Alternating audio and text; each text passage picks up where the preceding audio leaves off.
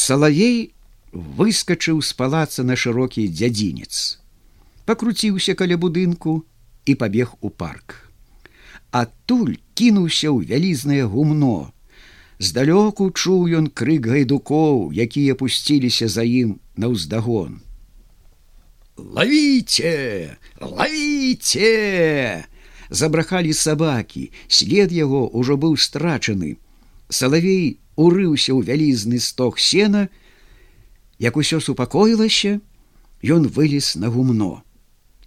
Стаяла цішыня, Неба было чыстае, нібы цёмна-сіняе шкло, буйныя зоркі з залатымі вышыўкамі міхцелі ў прасторы, віселі ў бяздоннай вышыні. Салавей зірнуў у бок лесу, які вызначаўся шараватай сцяною. Пасля цэлага дня сядзення ў запёртым цёмным пакоі, пасля таго, як прывезлі яго на панскі баль і прымушалі спяваць салаўём, ён адчуваў сябе чалавекам. Ён меў перад сабою вольніцу волю, але ў гэтым прасторы яму было цесна. Ён не ведаў, куды ісці, дзе схавацца ад пана і яго наймітаў, дзе дзецца ад усіх людзей, якія ад страху пакажуць на яго пану. Салавей дыхнуў холодным паветрам і пусціўся ў лес. Тут ён у маленстве пасці ў панскае стада. Тут яму вядомы і блізкія як родныя браты, кожнае дрэва, кожны кусток. За касагору зірнуў месяц, чырвоны як кроў, што льецца на мужыцкім целе ад панскіх бізуноў. Па сіневатым кужалі снегу побач з ім, як несупынны вартаўнік ідзе яго цень. Рукі і ногі ў ценю надзвычай доўгія. Салавей глядзіць на свой цень і думае: Каб сам быў такой велічыні, увесь маёнтак перавярнуў бы, каменя на камені не пакінуў бы. Падышоў да старога дуплаватага дуба, Не раз улетку ён тут вогнішча раскладваў. Тут заўсёды на купалле хлопцы і дзяўчаты збіраюцца, гуляюць, песні пяюць, скачуць. Тут ён зоськай не раз сядзеў. Яшчэ як быў малы, тут дзед мікіта яму байкі баяў. Цяпер дупло, высмаленае вогнішчам, снегам занесла, А як быў малы, тут ад дажджу хаваўся, шматгадовы попел таксама занесла гурбай вялізнай як мядзведь салавей нырнуў у лес. Тень яго драпаецца па хвоях лезе на елкі а месяц светіць светіць. Паглядае між пнёў грае па снежных абрусах пускае цвет дробненькі па абснежаных галінках крокі салаўя аддаюцца мяккім шолахам. І здаецца салаўю, што ён даўным-даўно брыдзеў гэтым месячным лесе. Многа гадоў з тых часоў, як дзед яму байкі баеў пры вогнішчы. Сцюжа прабірае, Але гэта толькі зверху, руки, твар, унутры цёпла, горача. Месяц здаецца дзедавым тварам. У яго воображэнні дзед мікіта паўстае жывёханькі, лысіна яго бліскучая, трохі жаўтаватая, бародка скалмачаная, шмат змаршчынак на дзедавым сухім твары, яны ткуцца густа густа, як зрэбнае палатно. А вочы ў дзеда маладыя, блішчаць двума агеньчыкамі ад лучыны. Дзед пляце каску а вочы усміхаюцца. Слова ў слова памятае салавей казку дзеда. У якімсь краі жылі людзі і пачаў да іх лётаць змей і пачаў дабро цягаць і людзей к сабе хапаць. Людзі яму будавалі харомы, акопвалі іх канавамі, насыпалі валы зямлі і там гінулі. А змеі хапае ды валочыць туды ўсё новых ды новых людзей. Салавей нібы бачыць перад сабою дзеда, які руками паказвае, як людзі харомы будуюць, як змей людзей хапае, спрытна дзед умеў байкі баяць. Ён цягне іх доўга-доўга. Начлежнікі слухаюць, ціха сядзяць. Працуюць людзі на змея, а самі пухнуць з голаду і мруць бы мухі. Тыя людзі, што засталіся жыць у харомах змея, зрабіліся яго ліхімі слугамі і пачалі дзёрці скуру з людзей.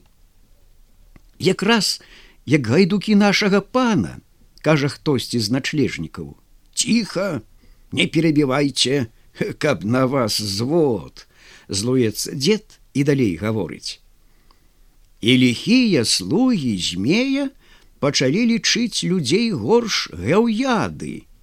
Пачалі саромецца, што самі яны людзі, пачалі выдумліваць сабе ўсялякія назвіскі, хто назваў сябе змеем, хто ваўком або мядзведзем ці другім зверам, а хто арлом, каршаком ці другою птушкаю, хто якім-кольвек дзеравам, І гэтак яны далі сабе назвіскі.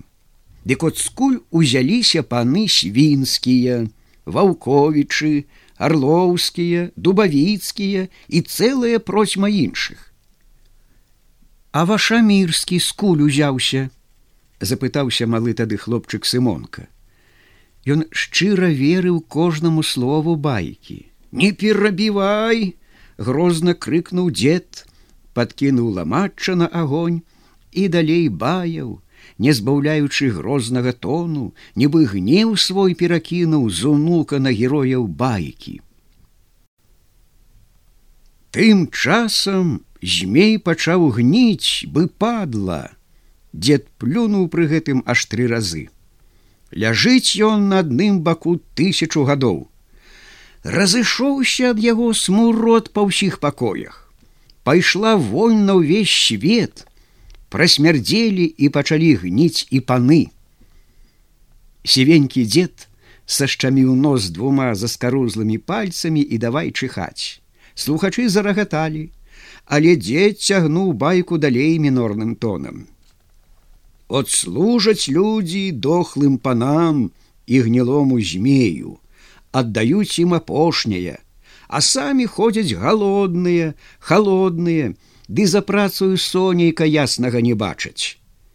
І людзям здаецца, што лепшага жыцця і не трэба, бо так жылі і дзяды і прадзеды. Ціха, ціха вядзе дзед сваю гутарку, да шэпту даводзіць. Начлежнікі опускаюць галовы, нібы вінаватыя. Сумна, жудасна робіцца сымонку, Вакол вогнішча стаіць начны змрок, густы, душны. Пасля доўгага спынку дзед больш цвёрдым голасам цягне далей. Але вось нарадзіўся ў тым краю хлапчук. Быў ён вельмі благенькі, заняпаў з маленства, ды так застаўся да тридцатё год. І назвалі яго людзі іванкам прастачком, прыйшлі да іванкі старцы дудары. Першы раз зайгралі, язык іванку развязалі. У другі раз зайгралі, у сэрца жаласці нагналі. Трэці раз зайгралі, іванку сілу далі. І пачаў іванка прастачок па свеце хадзіць, у дудачку граць, людзям праўду казаць. От учулі ў палацах той вялікі голас. Ды спалохаліся слугі змея. Пачалі яны войска збіраць, ды іванку прастачка шукаць. Салавей ішоў па лясной дарозе і думаючы і паўтараючы дзедаву казку, не глядзеў, што робіцца вакол. Але раптам успомніў, што яго могуць тут знайсці панскія гайдукі, Ён збочыў з дарогі ў лес і думаў аб дзедавай касцы, у якой гаворыцца аб жалезнай булаве ў сорок пудоў. вельмі баяўся змей гэтай булавы. Салавей падумаў, што на пана вашамірскага не шкодзіла пайсці з такой булавой і больш паркім крокам пайшоў наперад. Ён не ведаў, куды ідзе, не думаў аб гэтым, толькі каб быць далей ад маёнтка, раптам убачыў нешта шэрае каля пня. Сэрца калатнулася. Ён падышоў бліжэй, Няйначай чалавек скорчаны ляжыць, нагнуўся, шэрань пакрыў сівізной дзявочыя скаламачаныя валасы. Перад вачыма салаўя пачалі кружыцца дрэвы. Зоська! Зоська!